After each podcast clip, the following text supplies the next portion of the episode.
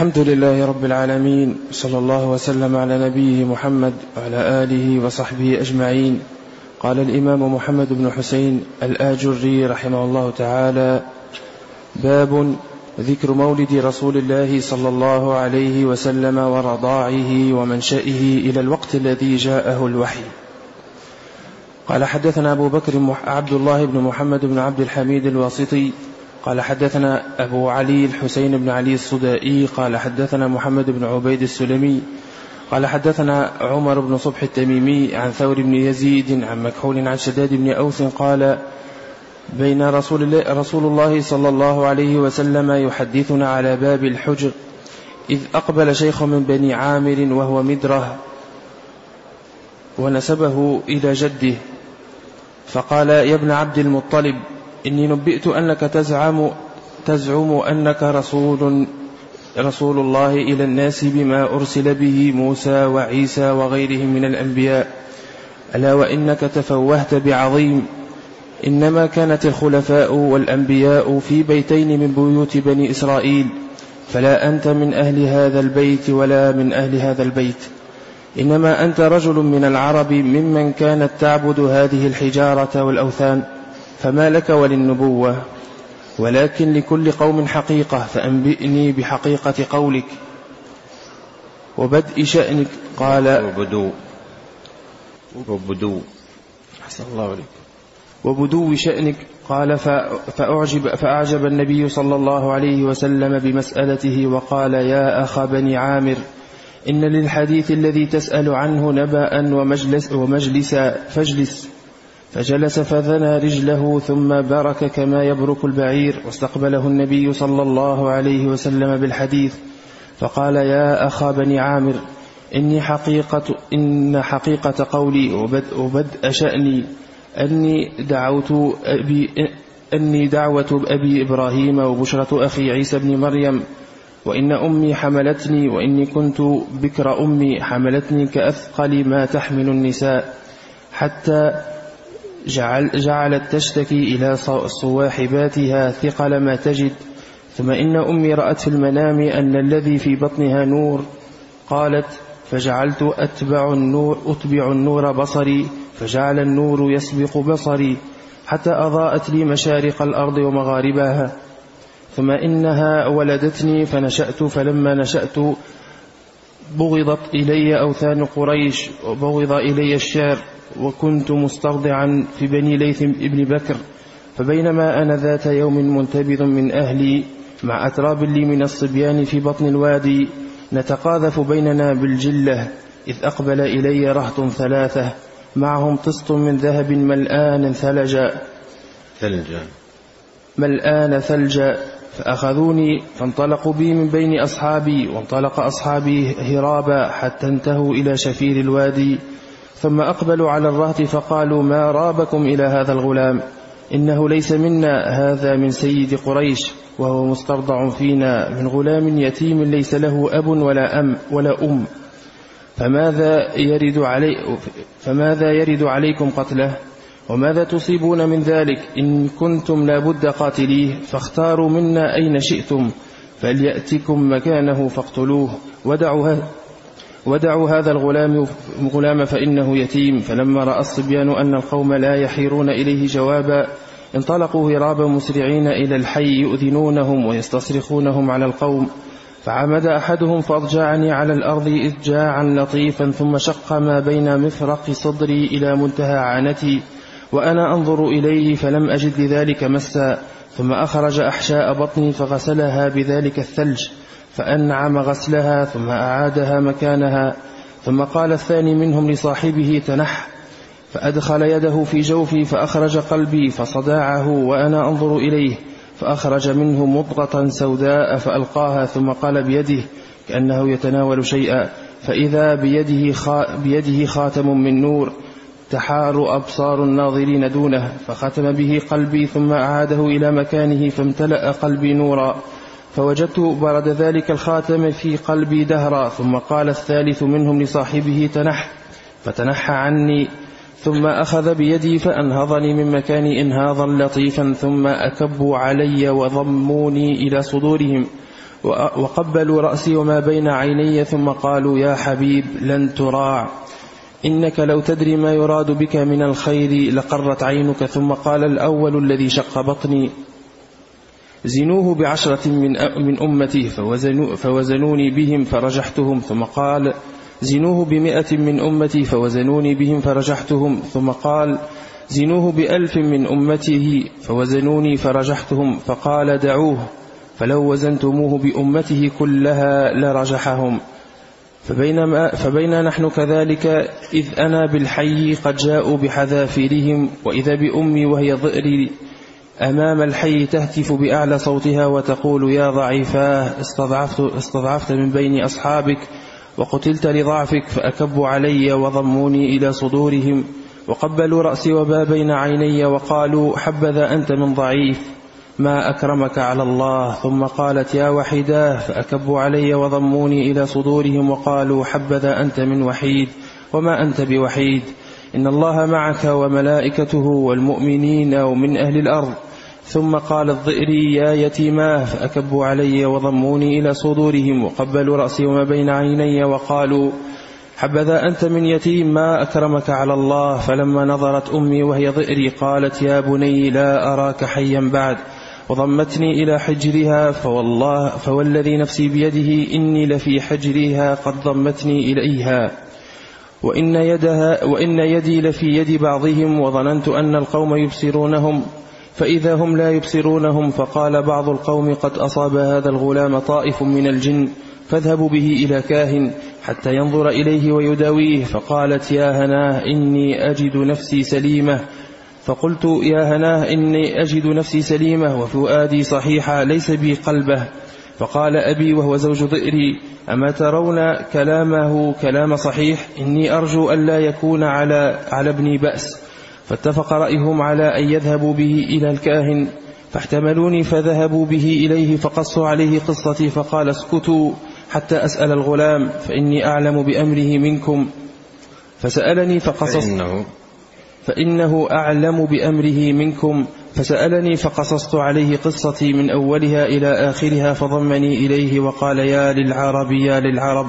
اقتلوا هذا الغلام واقتلوني معه واللات والعزى لئن تركتموه وأدرك ليخالفن دينكم ودين آبائكم وليخالف ولا يخالفن أمركم وليأتينكم بدين لم تروا مثله.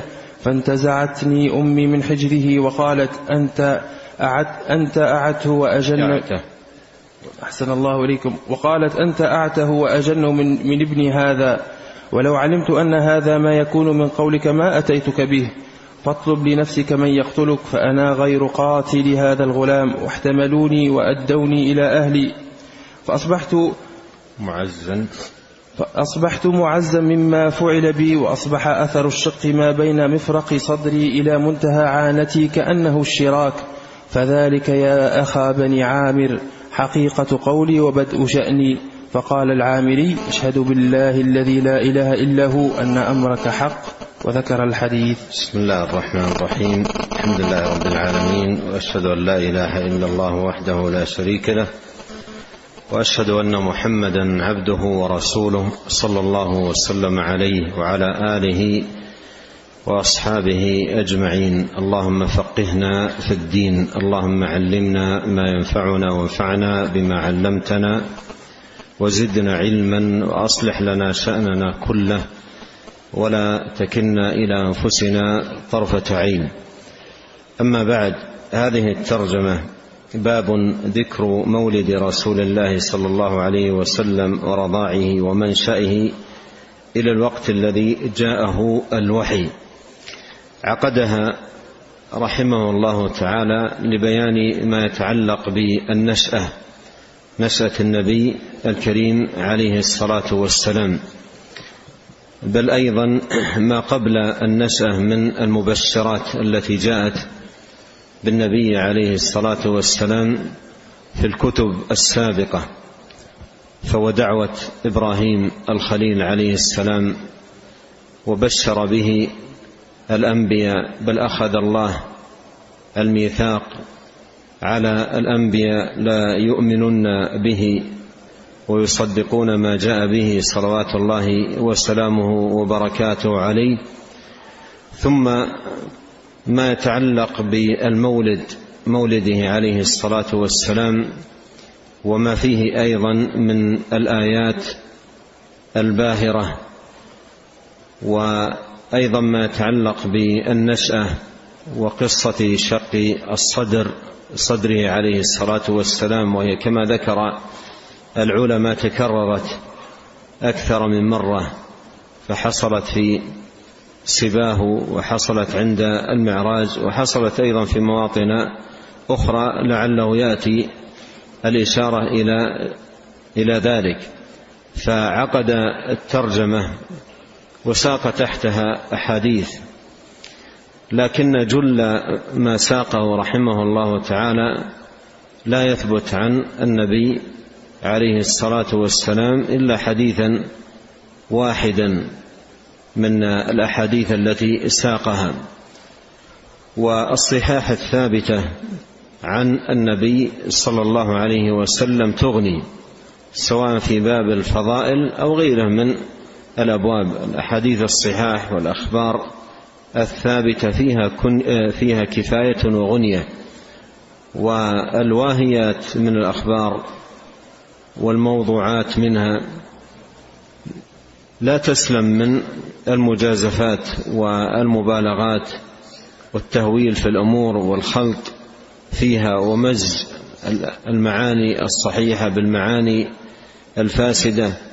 ولهذا فإن الروايات التي لا تثبت الواجب أن تطرح وأن لا يؤخذ منها شيء وإنما تؤخذ الأخبار مما صح عن النبي الكريم عليه الصلاة والسلام سواء في باب الفضائل أو غيره من من أبواب الدين. وهذا الحديث الطويل الذي ساقه ولم يتمه رحمه الله تعالى حديث لا يصح حديث لا يصح بل إسناده موضوع كما بين العلماء رحمهم الله تعالى فإن في الإسناد عمر بن صبح التميمي. قال الإمام الذهبي رحمه الله تعالى في كتابه الميزان قال كان ممن يضع الحديث. قال كان ممن يضع الحديث. وقال الدار قطني الدار قطني متروك الحديث. وقال الأزدي كذاب. وقال الحافظ بن حجر رحمه الله متروك وكذبه ابن راهوية. فالحاصل أن رجل هذا شأنه حديثه مطرح لا يمكن أن يتلقى بالقبول. ومثل هؤلاء الوضاعين في العادة يخلطون الصحيح بالضعيف يمزجون الأخبار يأتون بأشياء صحيحة ويمزجون بها آه، أشياء لا تصح ولا تثبت. وتختلط الأمور على الناس وتلتبس. فالحاصل أن آه، أمور الدين عموما ينبغي أن تكون مأخوذة عن الأحاديث الصحيحة الثابتة عن النبي الكريم عليه الصلاة والسلام. وكثيرا ما يروج في هذا الزمان عبر وسائل التواصل أحاديث واهيات بل أحاديث مكذوبة وموضوعة على الرسول عليه الصلاة والسلام ويتناقلها الناس على أنها من كلامه عليه الصلاة والسلام وهي مكذوبة عليه صلى الله عليه وسلم. وأما صنيع الآجري هنا رحمه الله تعالى في هذا الحديث وفي غيره من الأحاديث فمن ساق الإسناد برئت عهدته وذمته وعادة أهل العلم في الموسوعات والكتب الكبار يجمعون ما ورد ويسوقونه بإسناده وطلاب العلم يميزون من خلال الأسانيد بين ما صح وبين ما لم يصح. ومن أسند فقد احال وبرئت ذمته نعم أحسن الله إليكم. قال رحمه الاخبار التي جاءت في هذا الحديث منها أشياء جاءت في أحاديث صحيحة يأتي الإشارة إلى شيء منها ومنها أشياء ملفقة وأشياء متكلفة مزجت بالصحيح وسيقت في مساقا واحدا في هذا الحديث المطول على أنها من كلام النبي صلى الله عليه وسلم وهي ليست من كلامه. نعم. أحسن الله إليكم قال رحمه الله. وأخبرنا أبو بكر قاسم بن زكريا المطرز قال حدثنا عبد الله بن شبيب المكي قال حدثنا أحمد بن محمد.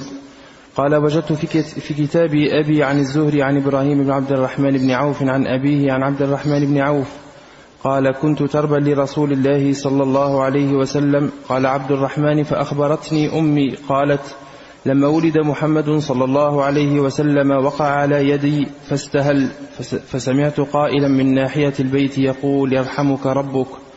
قالت فلما لينته وأضجعته أضاء لي نور حتى رأيت قصور الروم ثم غشيتني ظلمة ورعدة ثم نظرت عن يميني فلم أر شيئا.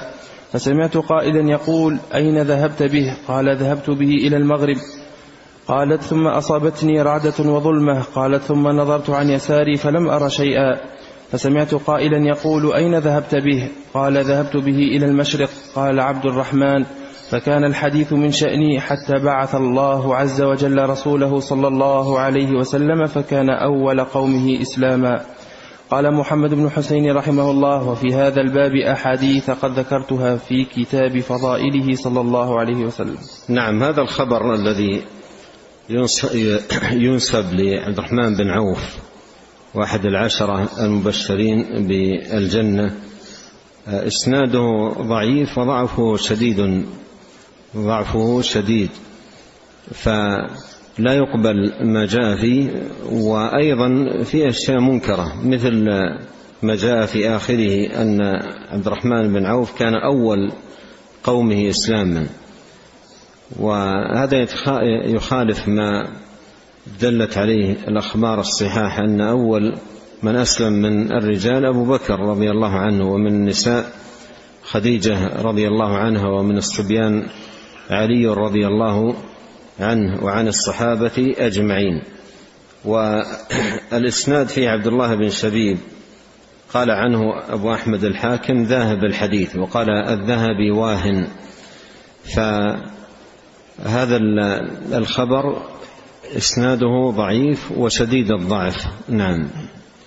أحسن الله إليكم. قال رحمه الله حدثنا أبو علي الحسن بن زكريا السكري قال حدثنا أحمد بن عبد الجبار العطاردي قال حدثنا يونس بن بكير عن محمد بن إسحاق قال حدثني أبي حدثني ابن أبي جهم مولى لامرأة من بني تميم كانت عند الحارث بن حاطب وكان يقال مولى الحارث بن حاطب.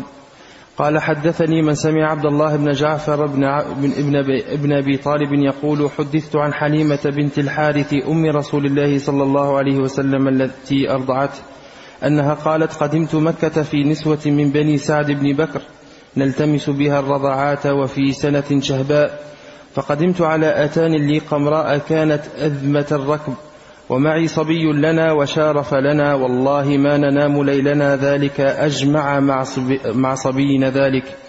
ما يجد في ثديه ما يغنيه ولا في شارفنا ما يغذيه. فقدمنا مكة فوالله ما علمت منا امرأة إلا وقد عرض عليها رسول الله صلى الله عليه وسلم فإذا قيل إنه يتيم تركناه وقلنا ما عسى أن تصنع, أن تصنع إلينا أمه. إنما نرجو المعروف من أبي الولد فأما أمه فماذا عسى أن تصنع إلينا؟ فوالله ما بقي من صواحبات امرأة إلا أخذت رضيعا غيري فلما لم أجد غيره قلت لزوج الحارث بن عبد العزى والله إني لأكره أن أرجع من بين صواحباتي ليس معي رضيع. لأنطلق لأنطلقن إلى ذلك اليتيم فلا آخذنه فقال لا عليك. ذهبت فأخذته فوالله فذهبت. أحسن الله إليكم. فذهبت فأخذته فوالله ما أخذته إلا أني لم أجد غيره فما هو إلا أن أخذته فجئت به رحلي فأقبلت فأقبل عليه ثدياي بما شاء الله من لبن فشرب حتى روي وشرب أخوه حتى روي وقام صاحبي إلى شارفنا تلك فإذا إنها لحافل فحلب ما شاء فحلب ما شرب وشربت حتى روينا فبتنا بخير ليلة فقال صاحبي يا حليمة والله إني لأراك قد أخذت نسمة مباركة. ألم تر ما بتنا به الليلة من الخير حين أخذناه؟ فلم يزل الله عز وجل يزيدنا خيرا. ثم أخذنا ثم خرجنا راجعين إلى بلادنا فوالله لقطعت أتان الركب حتى ما يتعلق بها. قطعت أتاني فوالله لقطعت أتاني الركب حتى ما يتعلق بها الحمار حتى إن صواحباتي ليقولن ويحك يا, ابن يا بنت أبي ذؤيب. أهذه أتانك التي خرجت عليها معنا؟ فأقول نعم والله إنها لهي هي. فقل فيقولن والله إن لها لشأنا حتى قدمنا أرض بني سعد وما أعلم أرضا من أرض الله أجدب منها.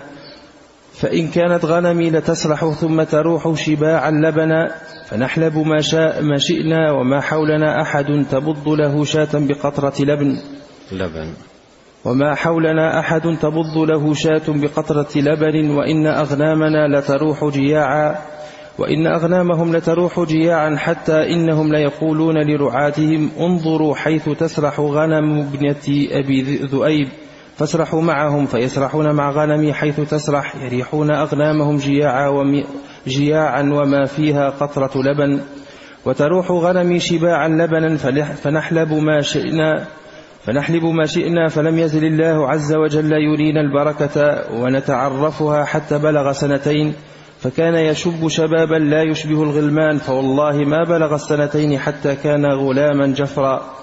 فقدمنا به على أمه ونحن أظن شيء به مما رأينا فيه من البركة. فلما رأته أمه قلنا لها يا ضئر دعينا نرجع بابننا هذه السنة الأخرى فإنا نخشى عليه أوباء مكة. فوالله ما زلنا بها حتى قالت فنعم. فسرحته معنا. فأقمنا به شهرين أو ثلاثة فبينا هو خلف بيوتنا مع أخ له من الرضاعة في بهم لنا. جاءنا أخوه يشتد فقال أخي ذلك القرشي قد جاءه رجلان عليهما ثياب بياض فأضجعاه فشق بطنه فخرجت أنا وأبوه نشتد نحوه فنجده قائما منتقعا لونه فاعتنق فاعتنقه أبوه وقال أي بني ما شأنك؟ قال جاءني رجلان عليهما ثياب بياض فأضجعاني فشقا بطني ثم استخرج منه شيئا فطرحاه ثم رداه كما كان فرجعنا به معنا. فقال أبوه يا حليمة لقد خشيت أن يكون ابني قد أصيب. انطلقي بنا فلنرده إلى أهله قبل أن يظهر به ما نتخوف. قالت فاحتلمناه ثم فاحتلمناه فلم ترع فاحتملناه. أحسن الله إليكم. قالت فاحتملناه فلم ترع أمه. فلم ترع أمه إلا به قد قدمنا به عليها. فقالت ما ردكما به؟ فلم ترع فلم ترع أمه إلا به قد نعم. فلم ترع أمه إلا به قد قدمنا به عليها فقالت ما ردكما به؟ فقد كنتما عليه حريصين فقلنا لا والله يا ضئر إلا إن أن الله عز وجل قد أدى عنا وقضينا الذي علينا وقلنا نخشى الإتلاف والإحداث فقلنا نرده على أهله فقالت ماذا كبكما؟ أصدقاني فأصدقاني شأنكما. فلم تدعنا حتى أخبرناها خبره فقالت أخشيت ما عليه الشيطان؟ كلا والله ما للشيطان عليه سبيل وإنه لكائن لابني هذا شأن. ألا, أخبرك ألا أخبركما خبره؟ قلنا بلى. قالت حملت به فما حملت حملا قط أخف منه ورأيت في النوم حين حمل حملت به كأنه خرج مني نور أضاءت له قصور, أضاءت له قصور الشام. فما وقع حين ولدته وقوعا ما يقعه المولود معتمدا على يديه رافعا رأسه إلى السماء فدعاه, فدعاه عنكما. وهذا أيضا آه، إسناده ضعيف في علل في الإسناد في أكثر من علة. أولا عبد الجبار أو أحمد بن عبد الجبار هذا ضعفه غير واحد من أهل العلم. وجهم بن أبي جهم مولى لامرأة بني تميم قال الذهبي لا أعرفه له قصة حليمة السعدية. يشير إلى هذه القصة. وقوله حدثني من سمع عبد الله هذا مبهم. وأيضا قول عبد الله بن جعفر حدثت عن حليمة بينه وبينها واسطة وأيضا مبهم الواسطة. فهذه علل في الحديث فالحديث ضعيف. الحديث إسناده ضعيف. نعم. أحسن الله إليكم قال رحمه الله حدثنا أبو القاسم عبد الله بن محمد بن عبد العزيز البغوي قال حدثنا عبيد الله عبيد الله بن محمد العيشي وشيبان بن أبي شيبة قال حدثنا حماد بن سلمة عن ثابت البناني عن أنس بن مالك رضي الله عنه أن رسول الله صلى الله عليه وسلم أتاه جبريل عليه السلام وهو يلعب مع الصبيان فصرعه فشق عن قلبه فاستخرج القلب فاستخرج منه علقة ثم قال هذا حظ الشيطان منك. ثم غسله في طست من ذهب بماء زمزم ثم لأمه ثم أعاده في مكانه وجاء الغلمان يسعون إلى أمه يعني ضئره فقالوا إن محمدا قد قتل فاستقبلوه وهو منتقع اللون. قال أنس قد كنت أرى أثر المخيط في صدره صلى الله عليه وسلم. نعم هذا الحديث الذي ختم به رحمه الله تعالى هذه الترجمة هذا حديث صحيح ومخرج. في صحيح الإمام مسلم وفيه ذكر لحادثة آه، شق صدره وغسل قلبه صلوات الله وسلامه عليه واستخراج العلقة من صدره.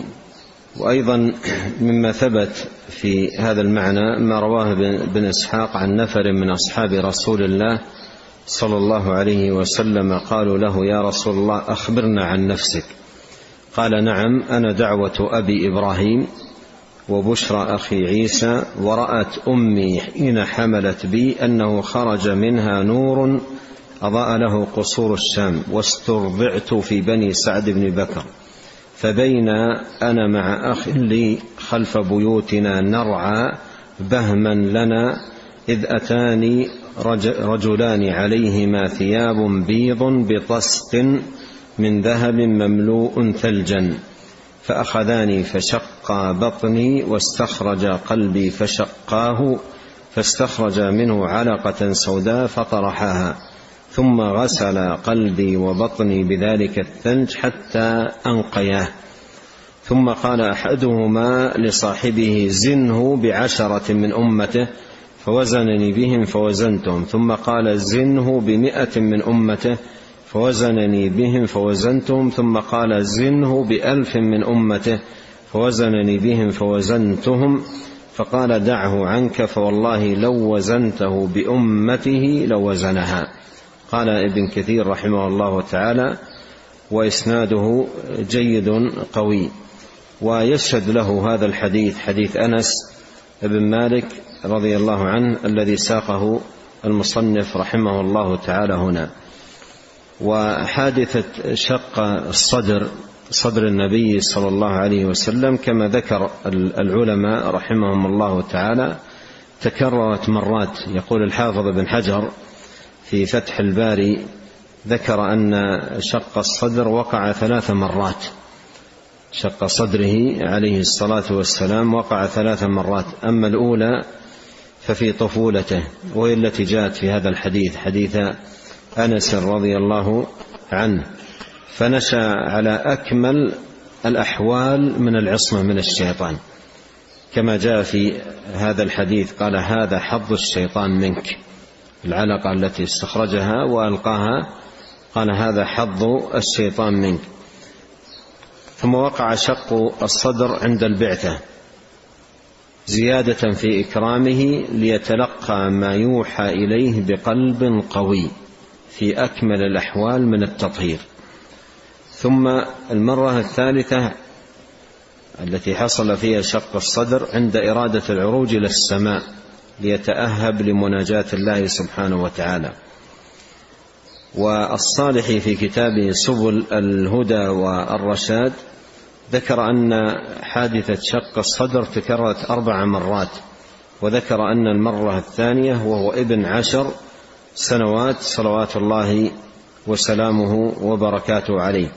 وقد كان صلى الله عليه وسلم أشرح الناس صدرا وأطيبهم قلبا وأنقاهم سريرة صلوات الله وسلامه وبركاته عليه. وقد ذكر الإمام ابن القيم رحمه الله في كتابه زاد المعاد قال كان هديه صلى الله عليه وسلم يدعو إلى الإحسان والصدقة والمعروف ولذلك كان صلى الله عليه وسلم أشرح الخلق صدرا وأطيبهم نفسا وأنعمهم قلبا فإن للصدقة وفعل المعروف تاثيرا عجيبا في شرح الصدر.